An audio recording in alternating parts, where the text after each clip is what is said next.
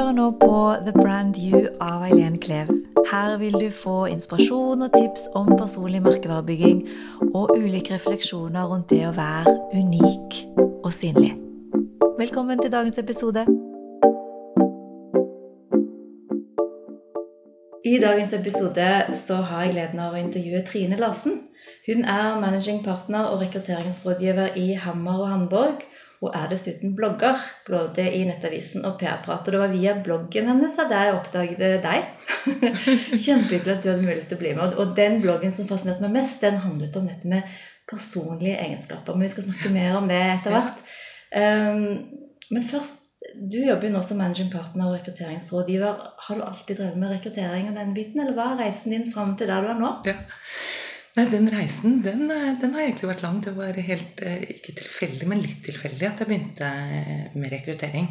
Eh, men jeg har jobbet både som bud i VG, min ungdom Ellers har jeg vært med kanskje noe av det som har preget meg mye, er vel en reise jeg hadde i telekombransjen. Hvor jeg var i nærmere seks år. Jeg var med på mye produktutvikling og produktlansering og marketing og de tingene der. Og det var jo en eh, utrolig spennende reise å få være med på. Um, og det var mye innovativt og, mye, mye, spennende rundt hele teknologiutviklingen. Jeg forsto vel ikke alltid liksom den gangen eh, hvor spennende det jeg egentlig holdt på med, var. Men når jeg ser tilbake i dag, herregud, så mye gøy vi hadde. Ja. Og det er litt det med å ha det gøy på jobb som er, er eh, viktig for meg. da. Ja. Og så kom jeg til, litt tilfeldigvis i kontakt med en hodejeger som jeg kjente litt fra før. Som var ute etter å finne noen som skulle etablere Hammer og Hamburg sin avdeling i Norge. Eh, så da hadde vi noen samtaler rundt det, og jeg traff Åsa Kristina, som er Hammer og Hamburg. De har jo vært i Sverige i mange år. Hun var der siden 94. Og nå er vi tilbake i 2005 i Norge, da. Mm. Så var det jeg som var den eh, heldige som eh, skulle få lov til å etablere avdelingen i, Oslo. Så det begynner å bli noen år siden. Ja. Og det har også vært en utrolig spennende og lærerik reise.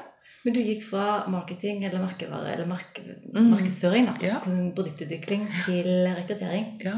Ja, Hvordan var den skiftet i forhold til mindset? Hva var, eh, var det noen rød tråd i det, eller hva var det som gjorde at du ble mer fascinert i å jobbe med, med den mer rekrutteringssiden av eh? Nei, Jeg hadde jo opplevd noen ganger selv og, og møtt venner begynne i feil jobb. Mm. Hvor utrolig vondt det er. Eh, og det med å da å hjelpe arbeidsgivere og arbeidstakere å matche hverandre syns jeg virker utrolig spennende. For det er jo så viktig del av livet vårt. Eh, og det er ingen som ønsker å begynne i feil jobb. Eh, men noen ganger så trenger vi litt hjelp på veien, både som arbeidsgiver. at Hva finnes der ute? Hva trenger vi? Eh, og ikke minst også arbeidstakere ser muligheter som man kanskje ikke opplagt ser. Da, mm. Og hva som jeg tror er viktig. Og her kommer vi jo litt inn på den bloggen som, som du Når du fant meg. eh, og som er jo en del av den grunnleggende filosofien til Hammer og Hamburg å ha troen på mennesker. Eh, men også det, dette med viktigheten av verdier. At det må matche mellom eh, jobb og individ. Da. Mm. Mm. Så, har du merket noe utvikling fra du begynte og fram til nå i forhold til akkurat det med verdier og viktigheten av, av det, eller har det vært ja, viktig hele tida? Ja. Helt klart kjempeutvikling. Okay, ja. Fortell litt om det. Ja. Hva slags utvikling er det? Hva, hva, ja, det var litt noe som jeg også hadde med i, i den uh, siste bloggposten. Så hadde jeg også vært på et uh, frokostmøte eller holdt et innlegg der også om, om hva man så etter i rekruttering. og Røde Kors var der, Utenriksdepartementet, Elkjøp Og det som fascinerte meg, var at ingen av dem snakket om skolegrader eller karakterer lenger. Alle snakket om de personlige egenskapene. Og jeg følte vel kanskje for når vi begynte å snakke om det for noen år siden, at noen syntes vi var litt sånn litt gærne. Eh, litt tabloide. Vi var jo høyt ute og sa at CV-en er død. Eh, men det er jo det her det egentlig ligger på, at vi tror jo veldig på potensialet i menneskene, mm. fremtiden. Mm. Eh, og ikke alltid like mye hva du har gjort. For det med Det som er utrolig spennende og som jeg, de fleste kjenner på endringen, er jo store endringstakten i samfunnet mm. og næringslivet og jobbene. Mm. Og nå er vi liksom fullt inni deg. Alle bransjer merker det i dag. Mm. Offentlige. Ja, til og med alle som du liksom ikke kunne tenke deg skulle eh, være nødt til å være innovative og nytenkende. De alle må det i dag. Mm. Og det som vi ser så tydelig, er jo at eh, arbeidsoppgavene endrer seg. Og Derfor så gjør det også at dette med rekruttering og vekte like mye at det du har gjort, må man vekte mindre i forhold til hva du kan få til fremover. Og da kommer det dette med Det er ikke det at jeg mener at ikke utdannelse og skole er viktig. Det er helt klart viktig og, og, og nyttig på mange måter. Men det er enda viktigere i dag å se på hva du kan få til i jobber som vi ikke vet hva er. Og her kommer også verdier inn. Mm. Kjempespennende. Du nevnte eh, CV-en er død. Ja. Si litt om det. Hva, hva, hva, man har jo fremdeles CV. Man må på en måte sende inn CV-en. Og når du sier at CV-en er død, hva tenker du da? Nei, det er jo Det jeg tenker, er at hvis man ser Vi er i den fjerde industrielle revolusjonen nå. Og hvis man også ser på måten man har rekruttert på, så har det endret seg i forhold til hver revolusjon. Og jeg mener også at vi må tenke nytt på rekruttering. Mm. Eh, så vi tester og prøver litt det i Hamre og Hamburg også. Skal snart ut med, ut med en, en stillingsannonse hvor du ikke skal begynne med CV-en. Vi snur det litt. Jeg skal spørre om CV-en etter hvert, men ikke Ja. i første runde. Eh, Hva spør du om i første runde da? Eh, Nei, Da spør jeg mer verdibaserte spørsmål. Ja. Som eh, baserer seg opp mot Hamra Hamborg sine verdier. Ja. Når vi vokser, så vil jeg ha med meg folk som kan identifisere seg med de verdiene og har lyst til å eh, endre fremtidens arbeidsliv, som er visjonen til Hamra Hamborg. Så jeg vil ha med meg folk som vil det samme som Hamar og Hamburg, og ikke minst meg selv på det. da. Eh, og det klarer jeg ikke å se så godt ut ifra en CV. Ikke sant? Mm. Eh, men jeg vil gjerne se den etter hvert. Altså. Men måten eh, CV-en har vært vekta på i rekrutteringsprosesser, har nok vært riktig i, i tidligere i arbeidslivet, men nå fremover så tror jeg det blir mindre viktig. Men de personlige egenskapene blir viktigere og viktigere. Og da er det jo det vi har mest å, å, å støtte oss til, det er, er testverktøyer. Mm. For å få fram personligheten bedre. Ja. Få fram preferert arbeidsatferd. Hva er det som gjør at du har, masse, og har lyst til å stå opp full av energi og løpe på jobb? Det trenger ikke være det samme som hva jeg har. Det, det, Mm. Det bør ikke det, for da angrer man veldig. ja. Men det ene er jo ikke mer riktig enn det andre. Men det å ha en jobb som matcher med, med dine verdier og din prefererte arbeidsatferd og de ting, det, det er viktig. Mm.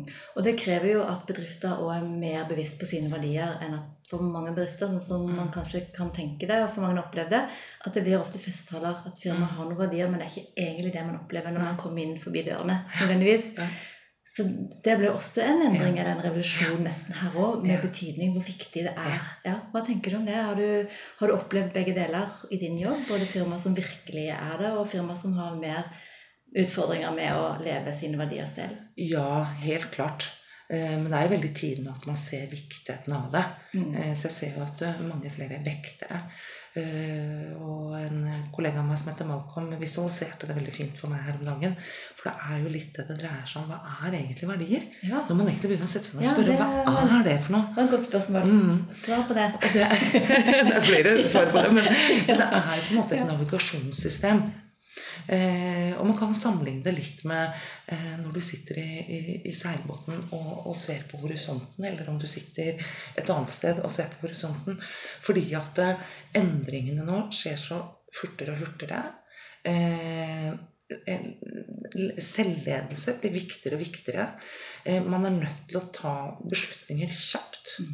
Og da må man kjenne på at man har de sammenfallende verdier på individnivå som selskapet har, for å kunne ta de rette beslutningene på selskapets og sin egen del sine vegne. Og da er jo dette med verdier egentlig denne horisonten som gjør, som sier at hva som er riktig og galt å gjøre akkurat nå. Og derfor så tror jeg det blir viktigere og viktigere at eh, selskapet og individets verdigrunnlag stemmer og er i, i match. Så, og det er, så da kan man ikke lenger bare ha det en gang i året på festtaler. Man må jobbe med det hele tiden. Men det må også individene. Det må også arbeidstakerne ta et ansvar for å definere selv hva som er viktig for at uh, en selv har det bra, og uh, hvilken type selskapskultur man ønsker å jobbe i. da. Og når du kom eh, i den jobben du har nå, så sa du at verdiene samfalt veldig. Var du veldig tydelig på dine verdier før den tid, eller var det bare at du kjente at her føler jeg meg hjemme? Eller var du veldig tydelig på at de verdiene, de ordene, de sa Hvor mye hadde du jobbet med dine egne verdier? Så, Jo, det hadde jeg faktisk gjort litt, for jeg hadde faktisk gått i, i, i liksom jobbcoaching, karriereveiledning også. Eh, Så jeg hadde definert litt hva som var viktig for meg. mm, Eh, Og det jeg husker jeg var jo litt sånn Jøss, skal jeg jobbe i et personlig eid foretak? Det liksom tenkte jeg mm, dette, dette kan bli spennende og interessant. For jeg hadde, kom egentlig bare fra store børsnoterte selskaper. mm, Mm, og det syns jeg faktisk var innmari spennende med den eh, med sterke, tilstedeværende personlige eiere. Det var en helt annen måte, en annen måte å organisere en bedrift på.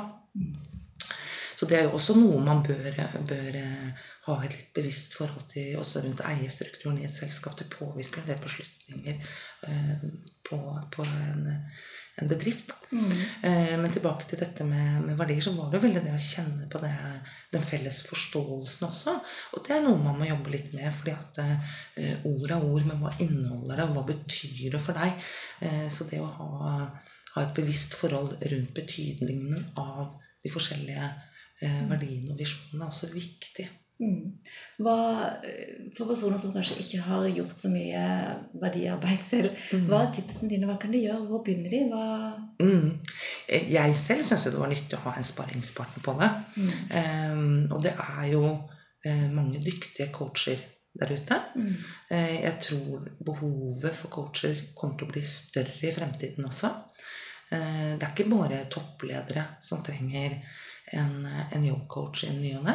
Det tror jeg mange kan ha nytte med. Og der kan man også jobbe med, med verdiene og hva som er viktig for en selv for å ha det bra på jobb og kunne prestere Mm. godt. Eh, Så, så mitt råd er jo kanskje å finne seg en, en profesjonell partner på det. Og det trenger ikke alltid å være så lange programmer man bruker, men, men, eh, men noen timer. mm. Eh, Og så kan man jo også sitte og jobbe med dette selv, men det kan være litt vanskelig. Mm. Se seg selv er ikke alltid så lett. Nei. Nei. Så, det så det er ikke noe galt i å, å bruke litt tid på, eh, på hjelp på det for å definere med litt øvelse rundt det også. Mm. Så, så det er mange, mange måter å, å komme Mange veier til rom, er det ikke det man sier? Så jeg har ikke helt fasiten på det, men jeg selv tror jo mange ganger det kan være ålreit å bruke en profesjonell rådgiver på det som ikke er en venninne eller familie, eller eh, hvor man eh, har et strukturert løp på den biten. Mm. Og når vi er inne på verdier, eh, så er det jo lett også å komme inn på det som eh, den bloggen du skrev om personlige egenskaper. Mm. Eh, Kan du si litt om det? Hva tenker du, Legger du i personlige egenskaper i forhold til det vi snakket om nå med verdier? Hva... Ja, vi ser jo I hvert fall i de rollene jeg jobber med, så ser vi ganske tydelig at noen personlige egenskaper er veldig tidlig i dag. Og det er mye dette med å være nysgjerrig, blant annet. Mm. Eh, og det ligger også på litt det faglige å ta ansvar for egen utvikling. Eh, være nysgjerrig på nye muligheter, ha lyst til å utvikle seg. fordi det må vi alle sammen nå. Så hvis du blir sliten av å finne ut av nye ting, eh, så kan det være krevende generelt i hele arbeidslivet. Eh, men dette med også med å være god på å bygge relasjoner med forskjellige typer mennesker, miljøer og kulturer, er jo også noe som er eh, viktig for å lykkes. Og det er noe man ser også ved at eh, siloer i organisasjoner må brytes ned. Eh, man samarbeider veldig på tvers i dag. Eh, selskaper som tidligere var konkurrenter og hadde tydelige skiller, eh, kan i dag finne på å samarbeide for å drive ny utvikling. Eh, mange store, kjente bedrifter i dag er helt avhengig av å finne nye forretningsmuligheter. Nye inntjeningsmulighetene, fordi rammebetingelser og samfunnet er i så stor endring at de tradisjonelle inntjeningskanalene endrer seg veldig. Og det betyr også at man må ha ledere og medarbeidere med gode relasjonsskapende evner for å kunne fange opp nye ideer og kunne se nye muligheter. Så du nevner nysgjerrig, og du nevner det med å være god på nettverk. Eh, Betyr det at eh, det er to personlige egenskaper som du tenker er går igjen? For man ser jo ofte at mange ord går igjen på stillingsannonser. Betyr det at vi kommer til å se enda mer av spesielt Ja, disse to? det tror jeg. Ja. Mm. Og enda flere. Det er jo mange flere egenskaper også som, Ja. som er viktige. Ja. Og så er det jo at noen jobber som kanskje vektes andre mer enn enn, en andre igjen. Eh, og så blir det jo spørsmål hvordan eh, Tilbake til den CV-en jeg gjør, liksom. Hvordan kan Jeg klarer jo ikke å se ut ifra en CV om du er nysgjerrig eller har gode relasjonsskapende evner. Men jeg tror at eh, dette med relasjonsskapende evner kan man også lære seg mye ved å ha vært utenlands. Mm. Det er også et av mine karriereråd til unge mennesker i dag. Kom deg ut av komfortsonen. Mm. Kom deg ut i andre land og studer. Det er ikke alltid så viktig hva du studerer, men at du har vært der ute. At du må bygge opp egne nettverk. Du må skape relasjoner med mennesker du kanskje ellers ikke hadde møtt på engang. Og det tror jeg er noe med denne utviklingen. Og det gir også et erfaringsgrunnlag som antageligvis også gjør noe med, med verdisettet ditt. Mm. Å være åpen. Og dette med mangfold blir jo viktigere og viktigere for å lykkes. Mm. Og det å uh, se og kjenne på andre kulturer, og ikke alltid tro at det vi gjør her, er det eneste riktige. Mm. Det, det, det er også et viktig karriereråd. Og det er igjen slike ting jeg ikke vil se på en CV. Men jeg kan se noe av det ved at du kanskje har vært ute og reist eller bodd i utlandet. Mm. Og det vil sannsynligheten gjøre for at jeg har lyst til å snakke med deg mer om dette. De, på CV-en så er det flere og flere som bruker et resymé i Mm. begynnelsen, der de sier litt mer om seg. Vektlegger du det noe særlig, eller blir det Ja. bare ord? Du skriver kanskje at du er nysgjerrig og kanskje god på nettverk, men det blir jo bare ord. Ja, ja. Men er, har det noe vekting i det hele tatt? Er det noe, er det ja men det er jo en det totalitet, ikke sant? helheten. Så jeg er ikke så glad i å gi så mange sånne CV-råd. For det første så er vi så forskjellige, alle vi som leser dem.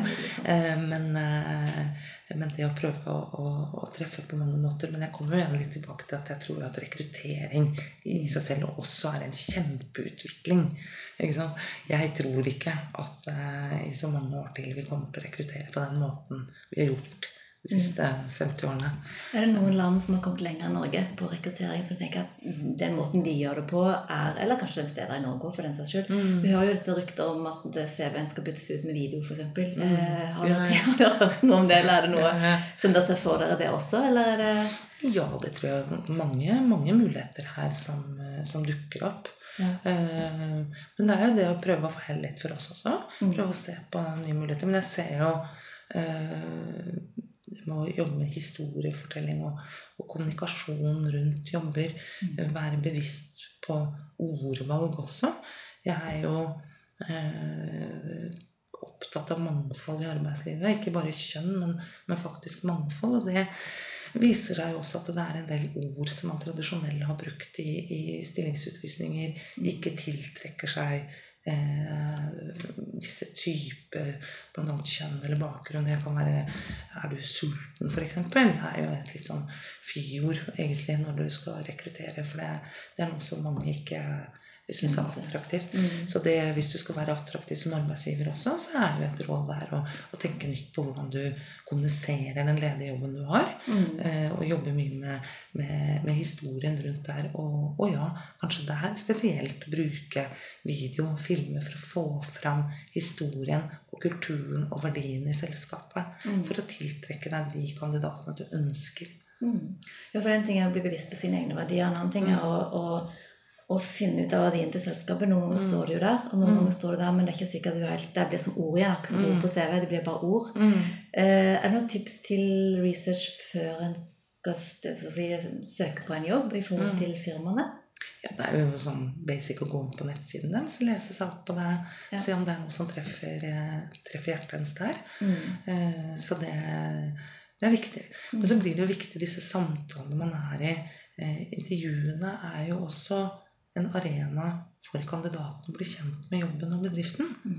Og bruke det ikke bare på å selge inn seg selv, men også liksom finne ut om dette er dette eh, denne jobben eh, jeg vil ha.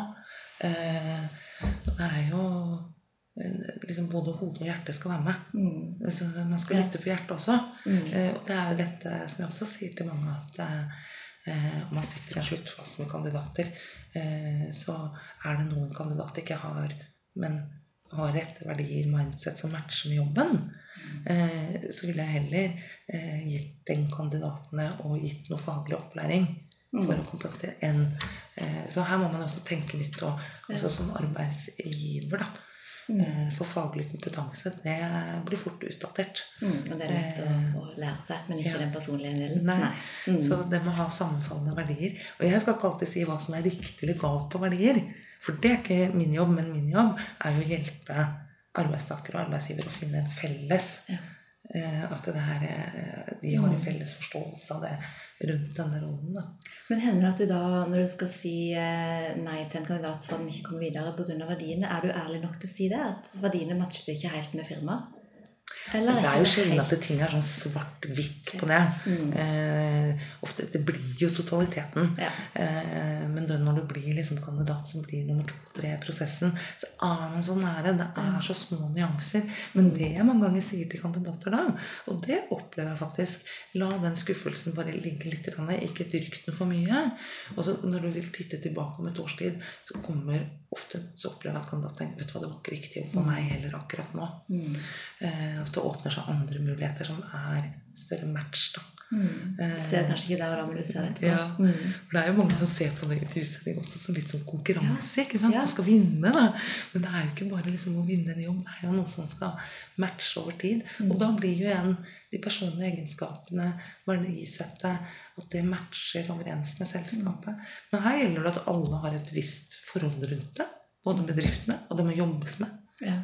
Det er ikke noe man bare sier, og så er det det. Nei, Så det, det, det gjør en del opplæringsarbeid i forhold til firmaet? det Mm. skjønner jeg? Det tilbyr det òg. Ja, ja, ja. for det er så viktig i hele, hele settingen. Mm. Så, for det er jo et samspill mellom mennesker. Ja. Så alle de endringene som skjer nå, så er det vi mennesker som står der i midten. Og så skal vi være med på alt det spennende og morsomme som skjer ute i næringsliv og organisasjoner. Og ja, utrolig mye dyktige folk. Mm. Eh, og så er det sånn da at du eh, eh, Det skal være en best match når du blomstrer og har masse energi, hvor du får brukt hele ditt potensial og utvikling. Det, det er gøy å se. Mm. Du nevnte litt med konkurranseinstinkt. Eh, Det er jo mange som er litt sånn redde for å vise for mye av seg på intervjuet nettopp fordi at da får jeg kanskje ikke jobben. Um, hva tenker du om det? Jeg tenker det er jo uhorvelig viktig for en kandidat at det er riktig jobb for, for en over tid. Ikke bare å vinne rekrutteringsprosessen. Eh, jeg nevnte jo med dette med tester. Ja. Eh, jeg sier jo, jeg sier jo til eh, alle oppdragsgiverne våre at eh, jeg ville ikke ansatt noen i dag uten tatt personlighetstest. Men det mener jeg også overfor kandidater som er i en jobbbytteprosess. Jeg ville faktisk ikke bytta jobb, jeg. Uten at jeg ble testa, og at jeg er sikker på at mine styrker er noe som er attraktivt inn i denne jobben. For jeg vil jo bruke det. Mm. Jeg har ikke så innmari lyst til å hele tiden jobbe med det jeg er dårlig på. Det tror jeg ikke de fleste vil. Det tar uhorvelig mye energi. Men det å få brukt mer av det jeg er god på, de personlige egenskapene, det tror jeg gjør at folk har det gøy på jobb og trives. Og da er det jo viktig å først ha et bevisst forhold rundt verdien også, men også da bruke tester for å se på hva er det som driver meg. Og der er det ikke noe fasit på riktig og galt. Der er vi gudskjelov vi forskjellige mennesker. og så er det det å sette sammen team på det, og kunne jobbe med andre mennesker som er dyktige på andre måter enn deg. Dette med å ha andre personlige egenskaper, ha andre historiske perspektiver. Eh, Det er jo sammen eh, vi blir bra. Som andre ord, når du skal ta en test, så skal du ikke tenke på hva vil jeg skal svare. Nei. Nei. Tenk på det som er riktig for deg. Ja. Ja. Det, er ikke så, det er ikke så skummelt og farlig. Det verste er jo hvis man ikke er ærlig på det, og at man begynner en feil jobb. Mm. Og sånn som jeg har fått tilbakemelding på mange som har tatt tester, jeg blir så opphengt på at jeg må jo klare det innen tiden. Det er sånn som du går på til eksamen, og hvis jeg ikke klarer det innen tiden, så får jeg ikke jobben. Men det kan jo være at hvis du klarer det innen tiden, så får du ikke jobbe likevel, fordi du har en feil profil i forhold til Ja, ja. De vil kanskje ha en annen Og det er jo ikke sånn at det bare er testen. Ikke sant? Det er jo ikke noe sånn at det bare er de enkelte etappene i en rekrutteringsprosess. Det er en totalitet, ikke sant? Mm. Så det, det skal man også være veldig klar over. Ikke bli så stressa av de enkelte faktorene. man kanskje heller tenke er dette riktig jobb for meg? Ja. Jeg vil være ærlig i denne prosessen på hva jeg er god på, og hva jeg ikke er så god på. Men hva jeg kanskje har lyst til å lære. For lyst er jo også noe man ikke skal undervurdere. Nei. Lyst, ja. For mange tenker jo at jobb er jo liksom nødvendig onde for å kunne ha det fint etterpå. Mm. Mm. Og liksom da har jeg en trygg inntekt, og så kan jeg gjøre hobbyene mine ved siden av. Mm. Men det var kanskje før i tida. Ja. Og der ser jeg også en stor grad av endring. ikke sant? Ja. Kanskje spesielt med de nye generasjonene, men jeg opplever det jo også eh, i eldre generasjoner. Eh, selv er jeg liksom, begynner jeg å bli godt voksen.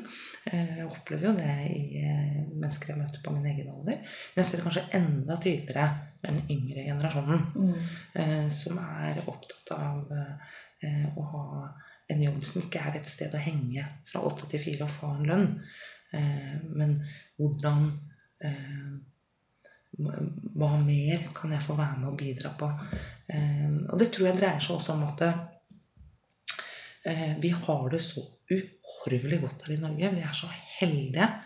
Eh, så vi ønsker noe mer enn bare oppgavene. Vi ønsker å være med til å gjøre verden et bedre sted å være Mm. i en eller annen form. da. Mm. Så jeg opplever jo folk i 20-årene som, som vil ha en jobb for at de vil, og, og tenke på hva, hva vil mitt ettermæle bli. Og det syns jeg er jo utrolig fascinerende å høre. Eh, Det er jo sånn vi tenker senere at man ikke bare går etter lønningsposen eller bedriften eller merkevaren, men det er faktisk hva kan jeg være med å påvirke utover min egen rolle.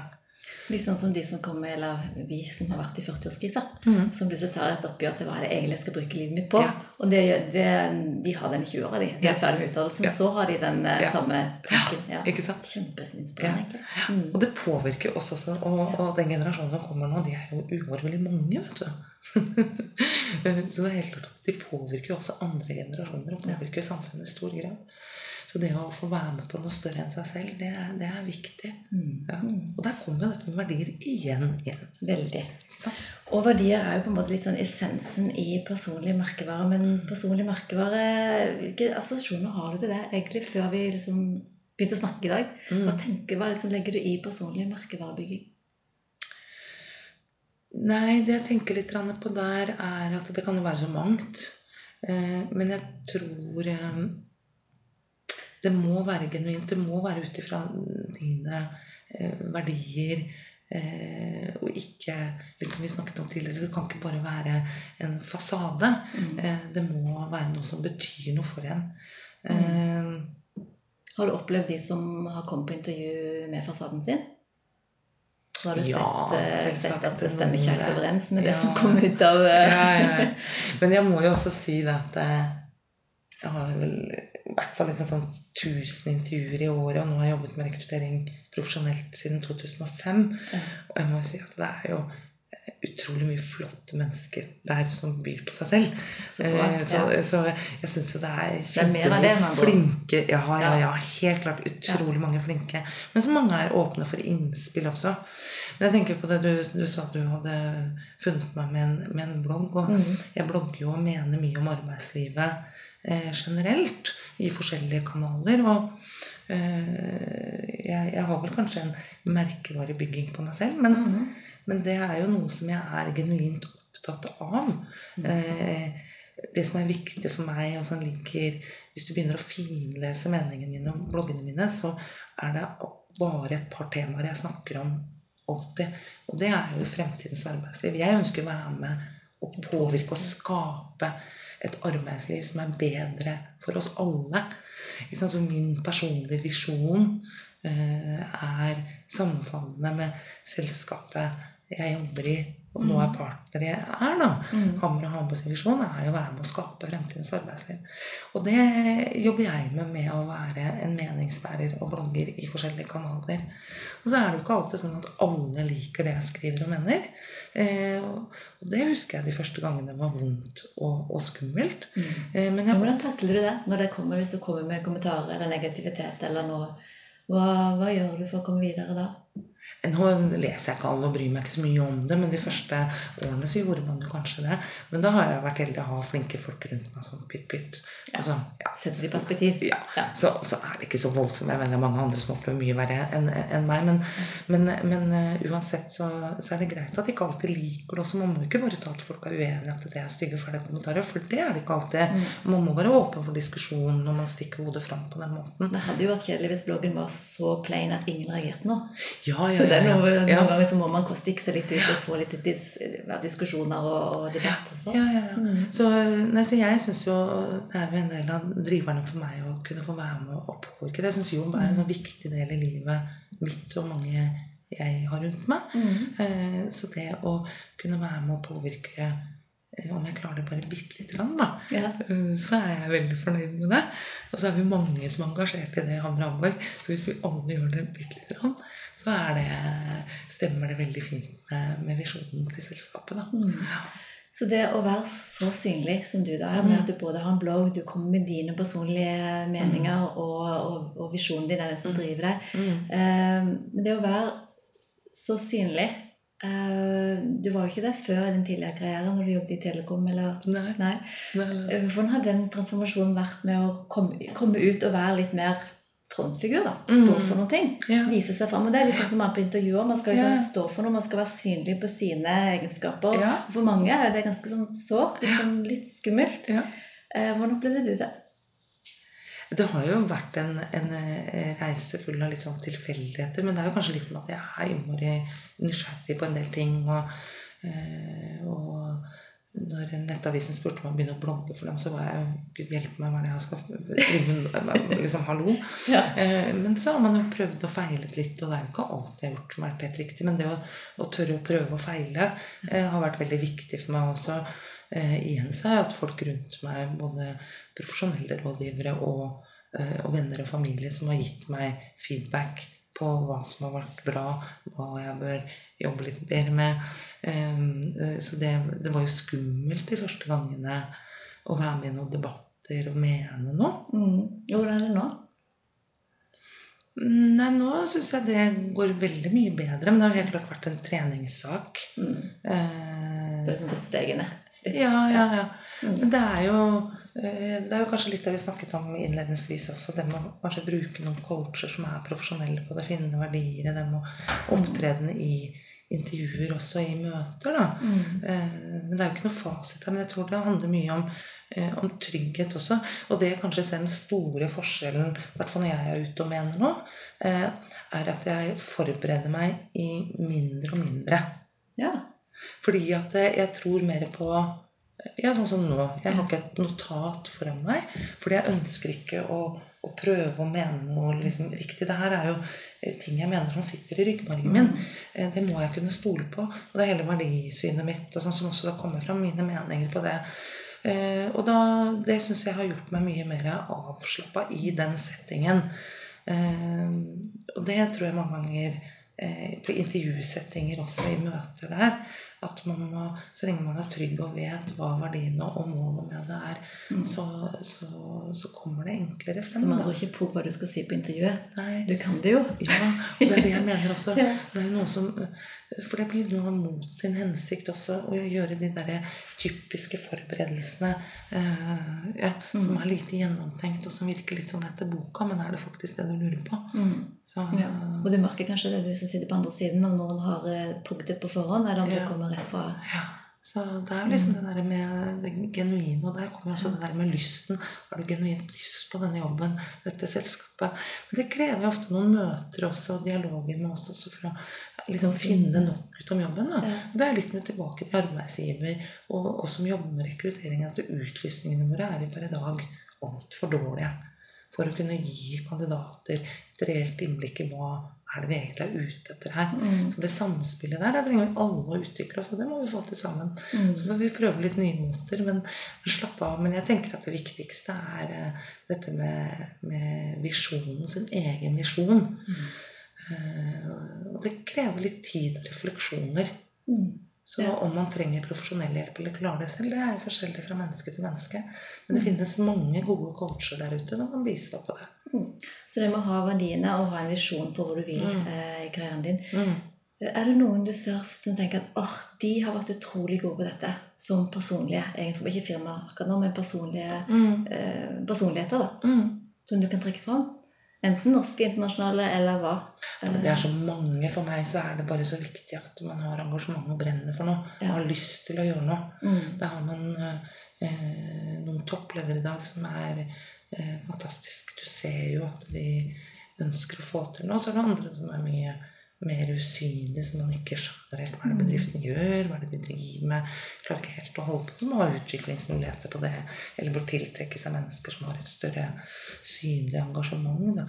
Jeg syns jo engasjement er eh, utrolig spennende og positivt. Eh, og så er det jo kunnskap er jo også eh, utrolig fascinerende. Det er utrolig mange dyktige mennesker som kan mye og er trygge på det.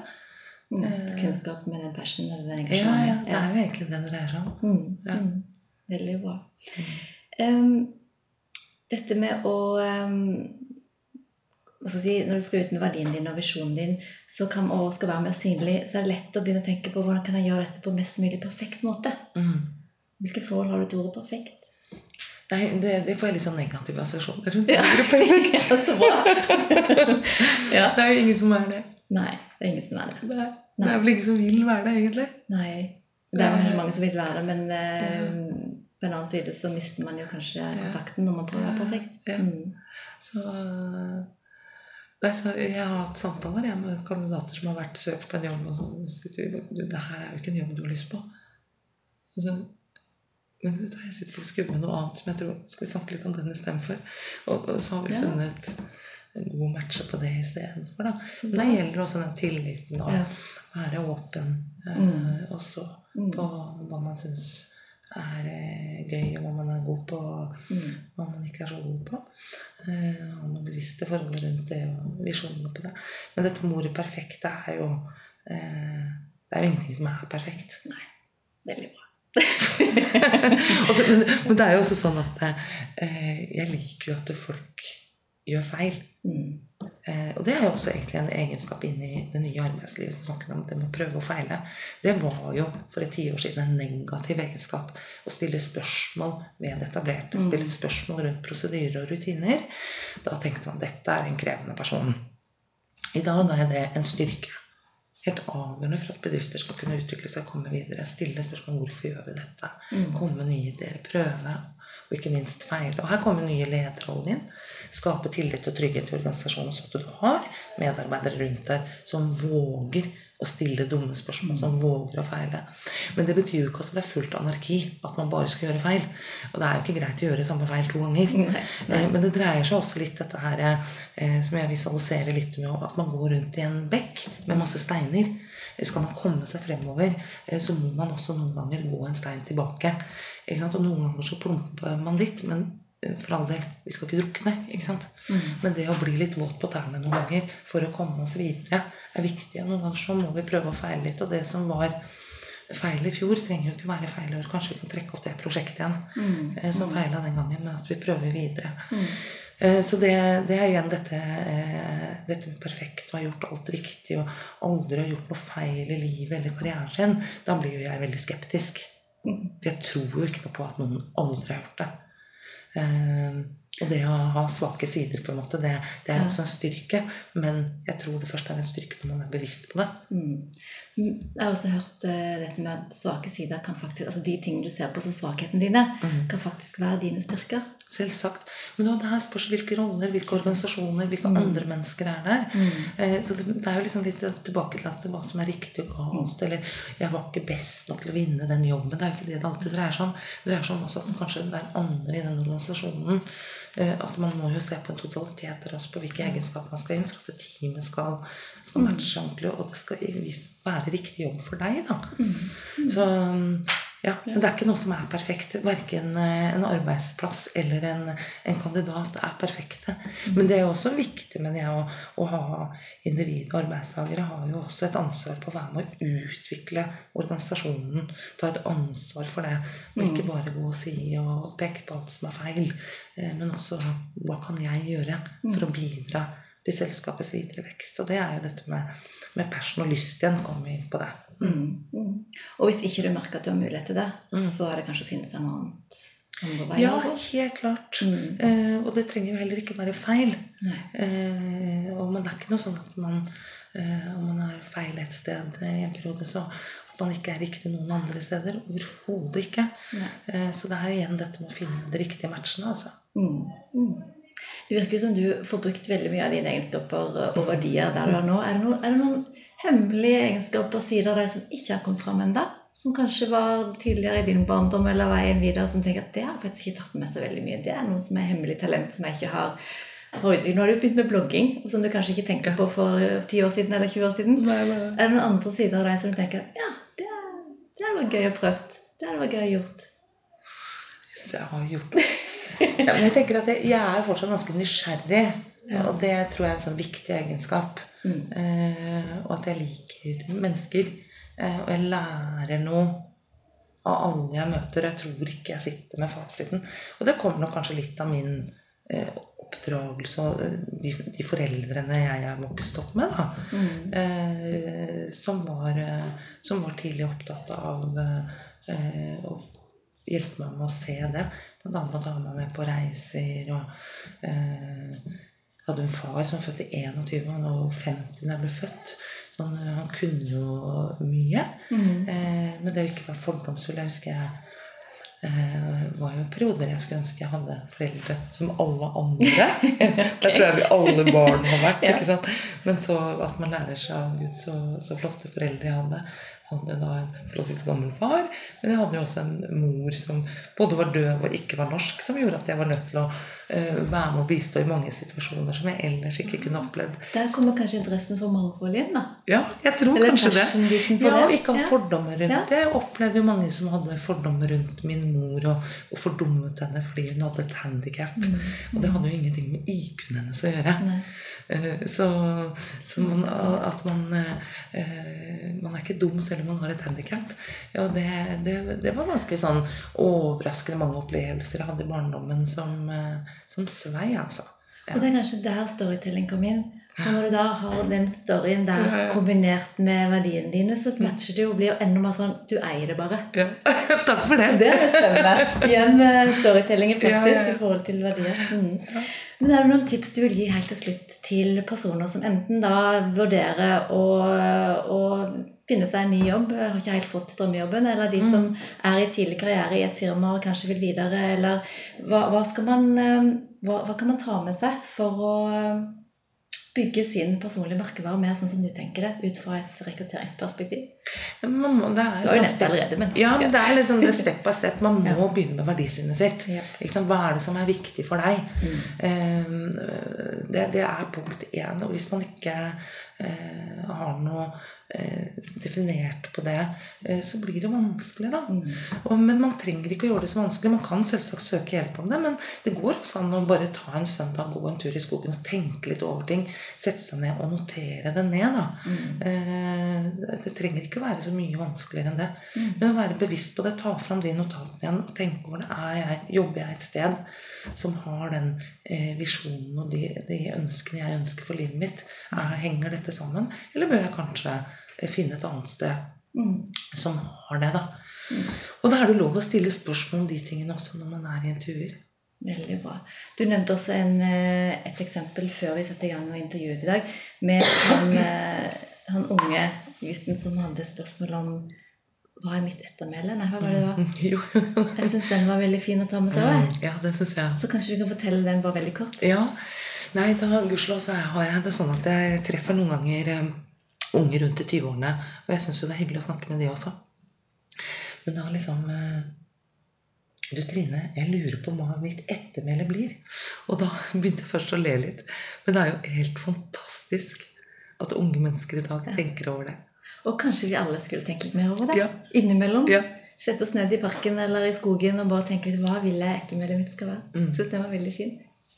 Kjempebra. Og nå har du jo problemer med halsen din.